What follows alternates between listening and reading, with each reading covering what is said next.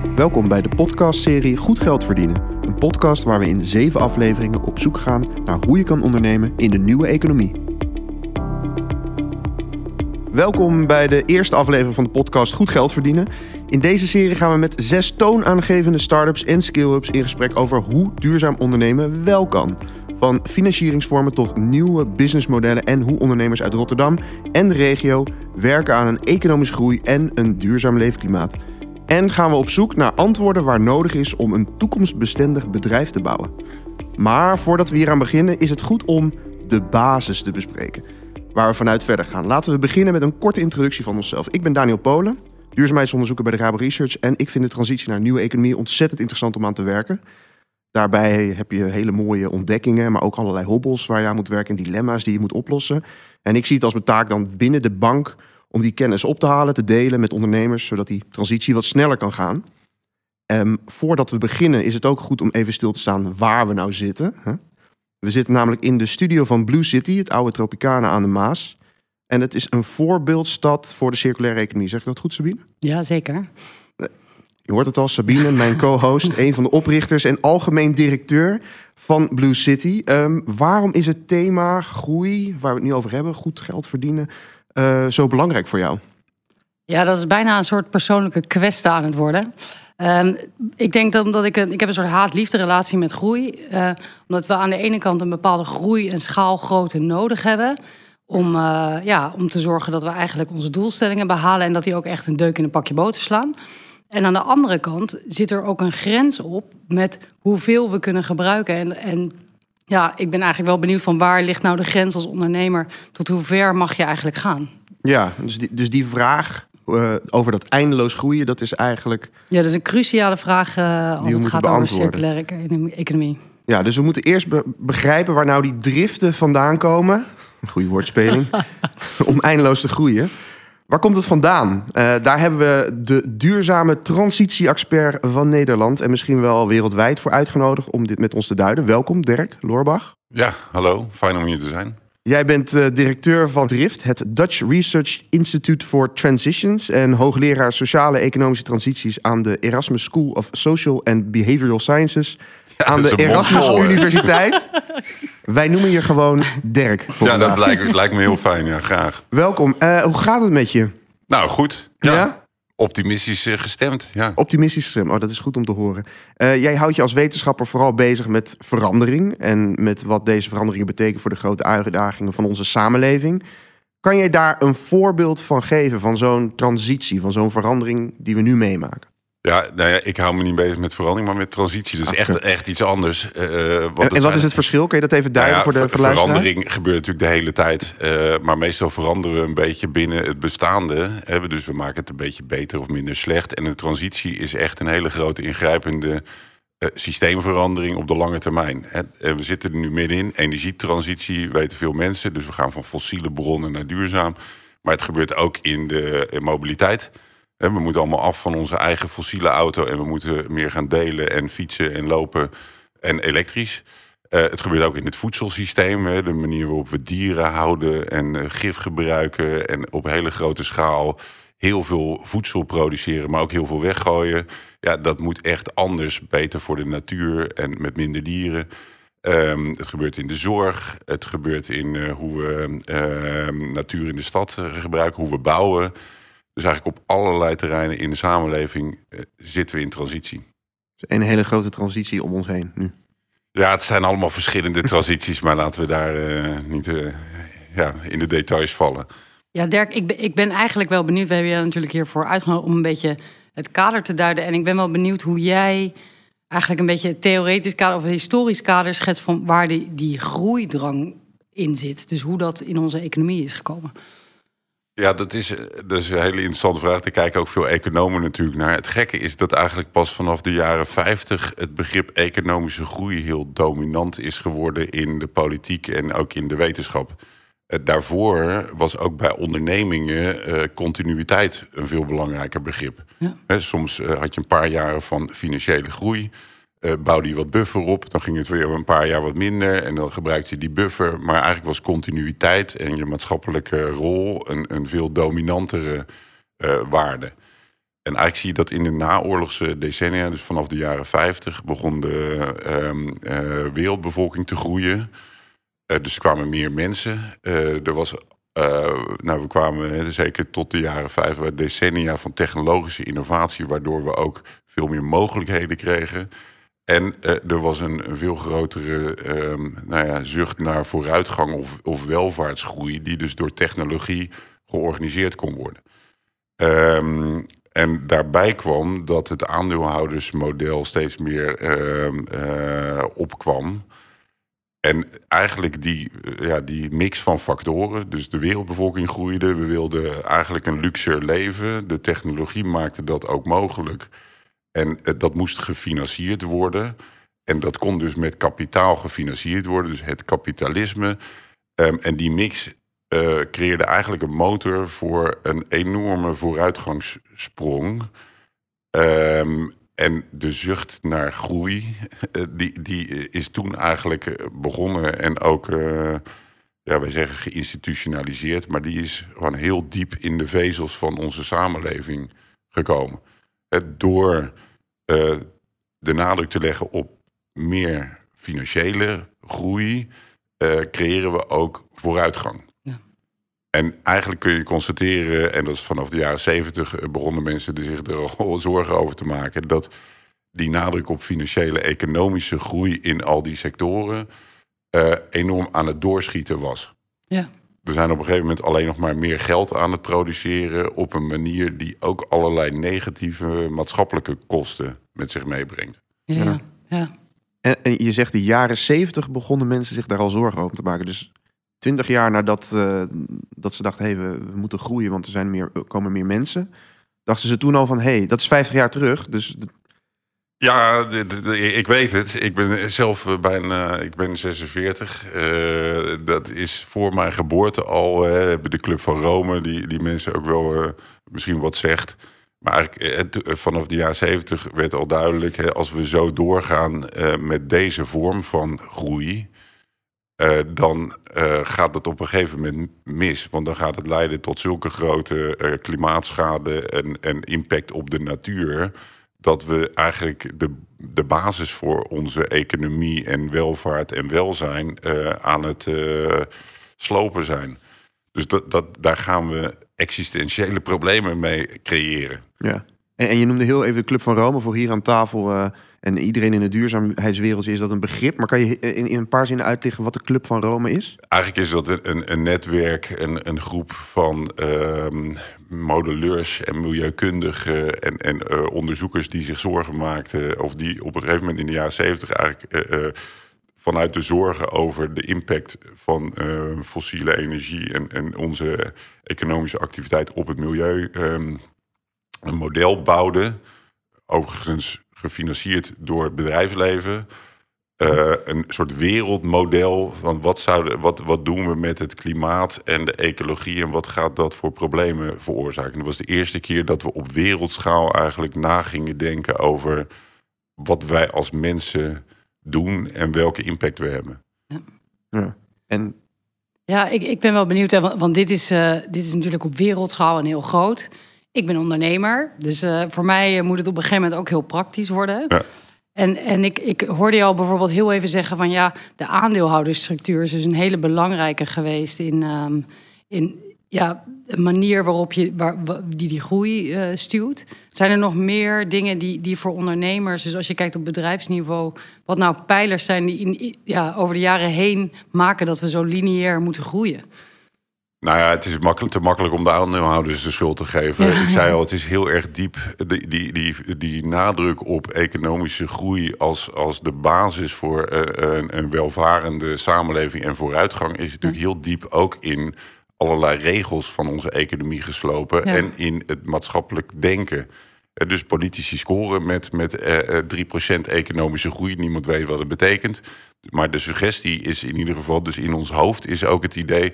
als de economie groeit, gaat het goed met ons. Ja, Ehm, terwijl al, al 40 jaar zie je dat eigenlijk mensen er niet echt op vooruit zijn gegaan... terwijl de economie wel groeit. Hè, dat gaat dus naar aandeelhouders, maar het gaat ook naar pensioenfondsen... of naar investeerders. Of, ehm, wat ook eh, ehm, is gebeurd, is dat in heel veel eh, regels, hè, dus de economische afspraken, wat meten we als economie, ehm, is die focus volledig komen te liggen op de financiële kant. Dus we meten eigenlijk alleen maar hoeveel geld erin gaat en hoeveel eruit gaat. En we, nou, dat begint wel echt serieus te veranderen, maar we, eh, tot voor kort ehm, eh, was nauwelijks in beeld hoeveel negatieve impact we hebben op mensen elders op de wereld of op uh, het milieu. Ja, dus de waarde van een, van een businessmodel wordt vooral uitgedrukt in, in het geld. Eigenlijk, als, als, mag ik het zo plat slaan? Uh, dat is, dat, ja, inderdaad. Ja. En uh, daarbij komt ook, hè, ik zit aan de Erasmus Universiteit, in opleidingen. dat is ook zoiets wat, wat gevormd is door de, die nadruk op economische groei in opleidingen worden bestuurskundigen, bedrijfskundigen, economen ook vooral opgeleid om weer alles te meten in termen van efficiëntie en van, van wat je goed kan meten. En dat is toch vooral geld, financiële waarde. Ja. Ja, en, en dus ook binnen bedrijven zit men vooral te kijken van hoe uh, persen we er zoveel mogelijk geld uit. Ja, ja. En uh, deze podcast gaat over goed geld verdienen. Uh, dus, dus eigenlijk hebben we het net heel erg gehad over hoe er geld verdiend wordt, hoe, hoe dat nou ja, alleen, maar, alleen maar stijgt en hoe je moet focussen op groei. Ja. Dat moet anders. En hoe kan dat anders? Hoe kan een ondernemer op een andere manier geld verdienen, uh, wat niet geënt is op groei, waar we het zojuist over hebben gehad?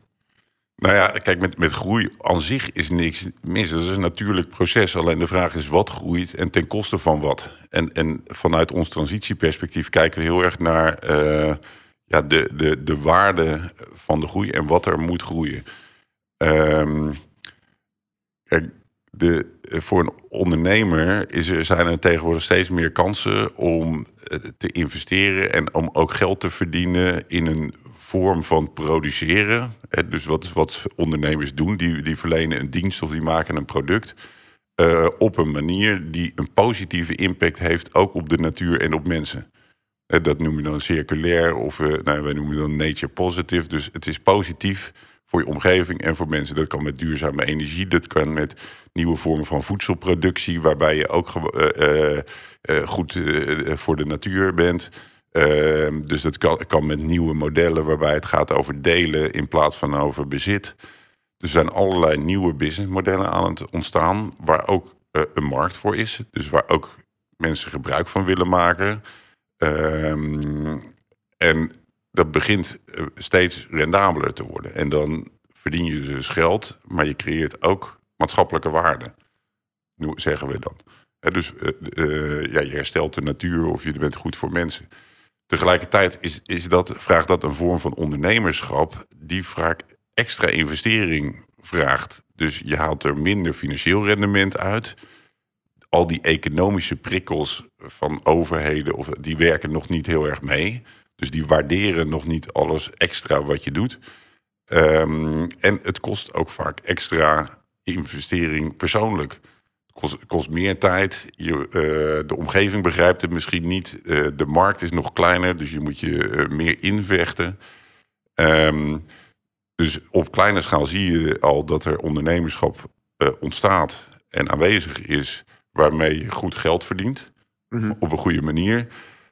Maar wat daar echt voor nodig is om dat op grote schaal te, te brengen, is toch dat er aan de kant van overheden, van opleidingen, van uh, investeerders, aandeelhouders ook echt uh, anders gewaardeerd gaat worden. Ja, want je moet, je moet eigenlijk af van dat, oké, okay, je steeds meer geld verdienen, naar waar creëer ergens anders. En dan moet je dan ook nog meten, want wat je net al schetste, ja, wij meten de groei in, in euro's. Ja. Dan moet je de groei in een, ja, waar moet je het in gaan, in gaan meten en wat voor waarde? Of nou ja, moet je het überhaupt gaan meten? Dat is een nou beetje... ja, dat, daar is natuurlijk een hele grote discussie, zeker onder ecologen. Hè, dus mensen die, die zich hard maken voor uh, afbraak van biodiversiteit die gekeerd moet worden. Uh, die zeggen, ja, je moet niet alles willen meten of overal een prijs op kunnen plakken. Hè. De natuur is ook gewoon, uh, moet, die, die, ja, die, die heeft zoveel waarde als je dat weer in geld gaat uitdrukken. Dan, of in bijen of in muskusratten. Ja, ja, ja ik bedoel...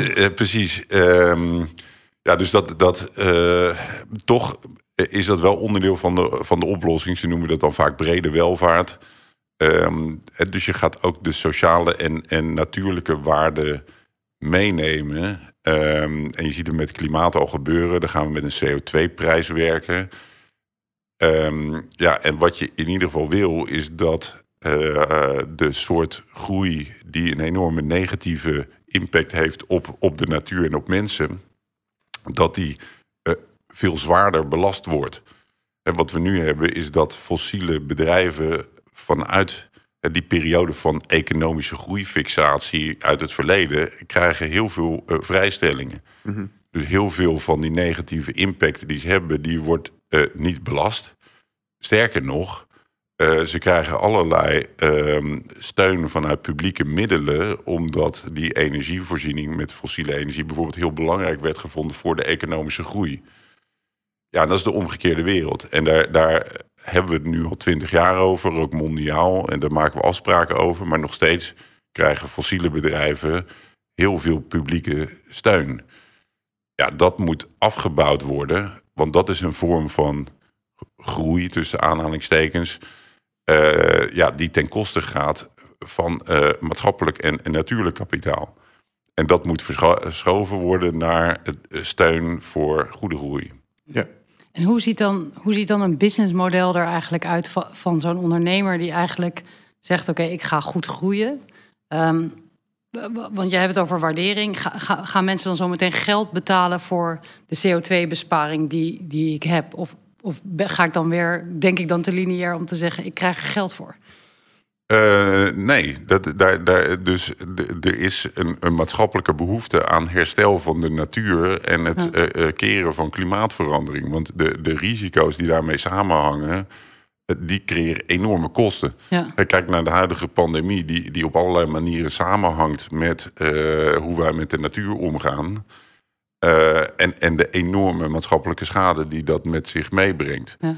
Dus op een gegeven moment is een businessmodel uh, wat ook toegevoegde waarde levert in het voorkomen van klimaatverandering uh, en het herstellen van de natuur of het creëren van schone lucht of andere ecologische waarden, meer groen in de stad, waardoor het minder warm wordt, ehm, waardoor er meer natuur in de stad komt.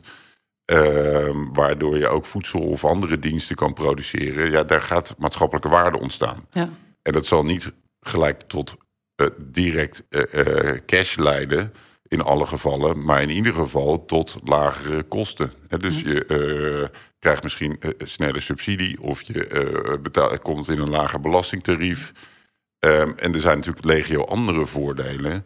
Uh, je gaat uh, uh, sneller werknemers aantrekken.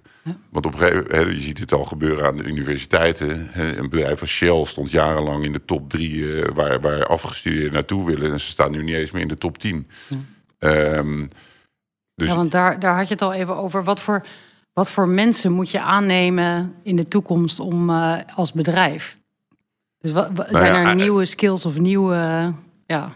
Nou ja, het, het, het, het, gaat eh, wel in de kern over ondernemerschap. Ja.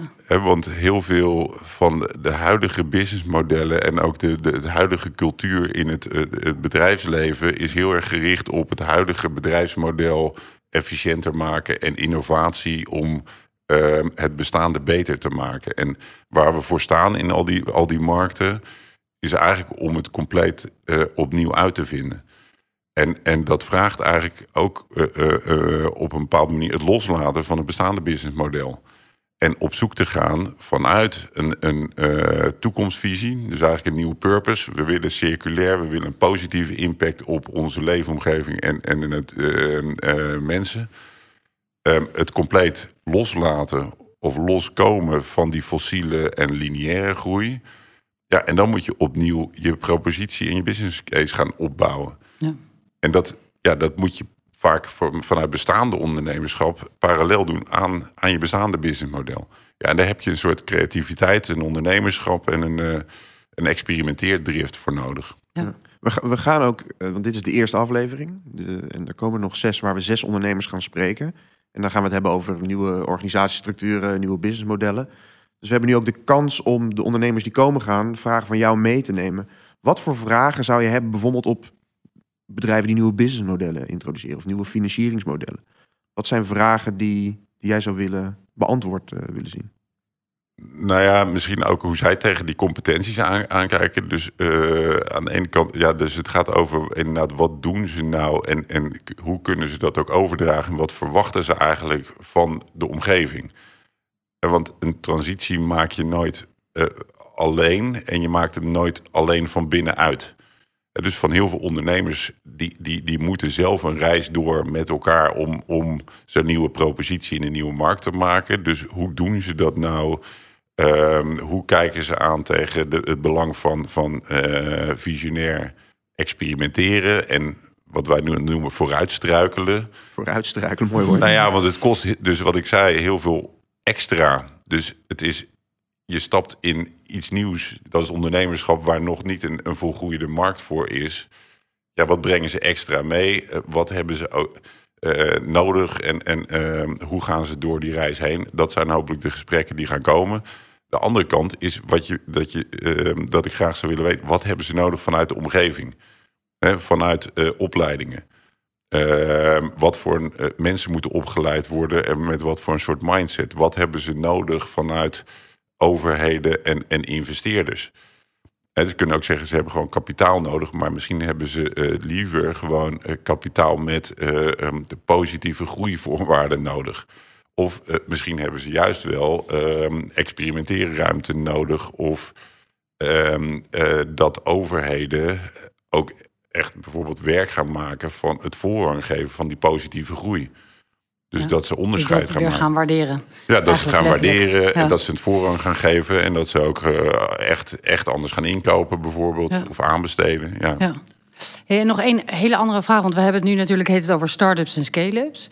Um, en je hebt het even over vooruitstruikelen. Maar er is ook nog een hele groep die onze huidige economie uh, vorm en kleur geeft. En dat is eigenlijk gewoon het bestaande MKB. Ja.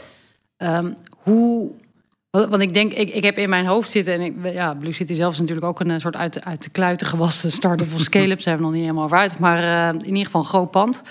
En, en, en wat, we, wat me vooral ook opvalt, ja, voor ons is het natuurlijk relatief makkelijk, want je hebt zoiets als de, de wet van de remmende voorsprong. Dus wij, zijn, wij kunnen opnieuw beginnen. Dus we kunnen uit het niets een model mouwen en dat als realiteit creëren. Dat is, dat is relatief makkelijker. Heeft ook zijn nadelen. Maar als je al MKB'er bent en je moet je model omgooien hoe, hoe verhoudt dat zich? Dus, want je Ja. hebt natuurlijk al een bestaand model, wat eigenlijk helemaal geënt is op die lineaire groei. Ja.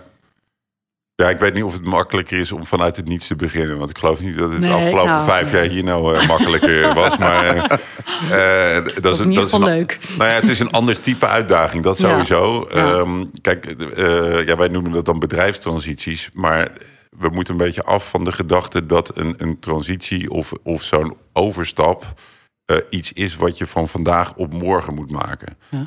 Ehm, en er zijn eh, wel degelijk manieren om die experimenteerruimte en dat ondernemerschap in je huidige onderneming eh, te organiseren.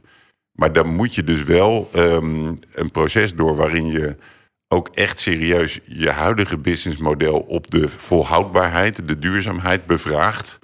Want eigenlijk vanuit ons wetenschappelijk perspectief is als je als onderneming vastzit in, in zo'n lineaire groeimodel gebaseerd op fossiele eh, bronnen en het eh, afwentelen, hè, dus het eh, over de schutting gooien van al je negatieve impact, dan ga je daar in, toenemende mate last van krijgen. Dat gaat belast worden. Dan ga je, dus je moet eigenlijk zelf onderzoeken waar zit ik nou vast en waar kan het ook echt gewoon problematisch worden. Ja. En eh, dan eigenlijk van buiten naar binnen gaan redeneren. Wat zijn dan die nieuwe markten, die nieuwe businessmodellen, die nieuwe technologieën die overal ontstaan? En kan ik daar wat mee? Ja.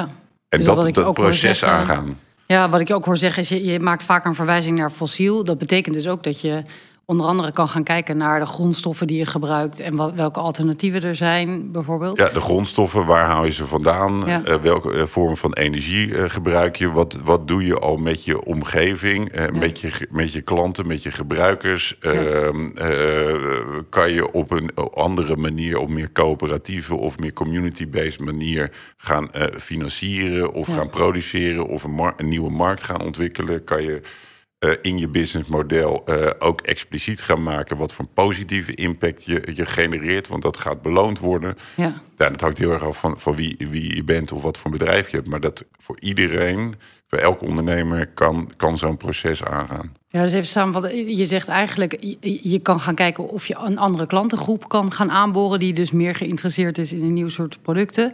Ander, anders, ander soort kapitaal aantrekken. Dus ook kijken waar het vandaan komt. Uh, en dan ook vervolgens naar je eigen, eigen governance model kijken van hey, is een aandeelhouderstructuur, niet elke MKB'er heeft dat, maar uh, ja, dat is misschien ook wel fijn dat je gewoon één directeur, groot aandeelhouder hebt. Dan kan je een goed gesprek met jezelf aan.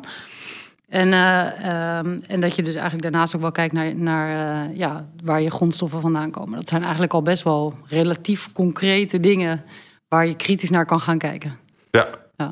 ja inderdaad. Nee, kan, ja. ja. Nou, en, en al die aspecten. Kijk, nou ja, dat is redelijk concreet. Uh, kijk, het begint wel met een abstracte vraag. Ja. Namelijk, uh, zit je comfortabel of, of ben je eigenlijk aan het vastlopen en kan je niet heel veel verder optimaliseren? Ja. En kun je van daaruit die urgentie ook een gedachtesprong maken dat je over tien jaar een heel ander bedrijf uh, bent met een positieve impact ja. op de omgeving? Ja, en wat ook bij mij is blijven hangen helemaal in het begin van je verhaal, is dat, dat besef van continuïteit. Dus dat dat niet, dat je eindpunt, dat je, dat je eigenlijk een heel mooi toekomstbeeld kan creëren, waar ook wat eigenlijk gebaseerd is op continuïteit. Dus wat niet zich hoeft door te ontwikkelen. Of, uh... Nou ja, wij, wij zien dus eigenlijk dat die continuïteitsvraag is de belangrijkste vraag voor ondernemerschap. Want het, de, hoe we de negatieve impact op klimaat en biodiversiteit. Um, volgens alle wetenschappers ter wereld betekent die dat we over tien jaar uh, niet op deze schaal uh, zo door kunnen gaan. Dus dat gaat ook betekenen dat de samenleving gaat ingrijpen. Dus als je als, ook als MKB'er uh, dan nog wil bestaan, dan moet je de komende tien jaar zo'n bedrijfstransitie door gaan maken.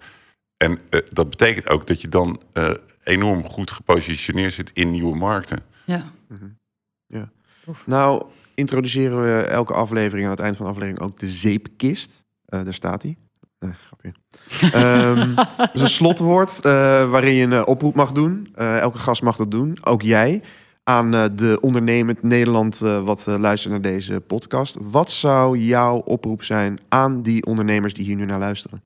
Ja, eigenlijk heb ik denk net al, al, al verwoord. Maar voor mij zou uh, de oproep toch zijn: uh, onderzoek uh, waar je vastzit in slechte groei. En, en probeer de ruimte te creëren, ondanks dat het, dat het allemaal lastig is en, en dat, dat de korte termijn overheerst, om over lange termijn goede groei na te gaan denken. Oké, okay. dat, is een, dat is een mooie oproep. We gaan hem meenemen. Dankjewel, Dirk. dankjewel, Sabine. En um, tot de volgende podcast. Dankjewel. Dankjewel voor het luisteren naar deze aflevering van Goed Geld Verdienen. Deze podcast wordt gemaakt door Blue City en Rabo Research. De podcast wordt mede mogelijk gemaakt door gemeente Rotterdam en het GIST 2016-2020 programma. GIST ondersteunt startende ondernemers met het haalbaarheidsonderzoek voor innovaties die bijdragen aan een schone proces- en maakindustrie in de grensregio Vlaanderen-Nederland. Wil je weten over wie er nog meer aan bod komen in deze podcast? Of over Blue City en hoe zij met ondernemerschap de circulaire economie versnellen? Kijk op bluecity.nl.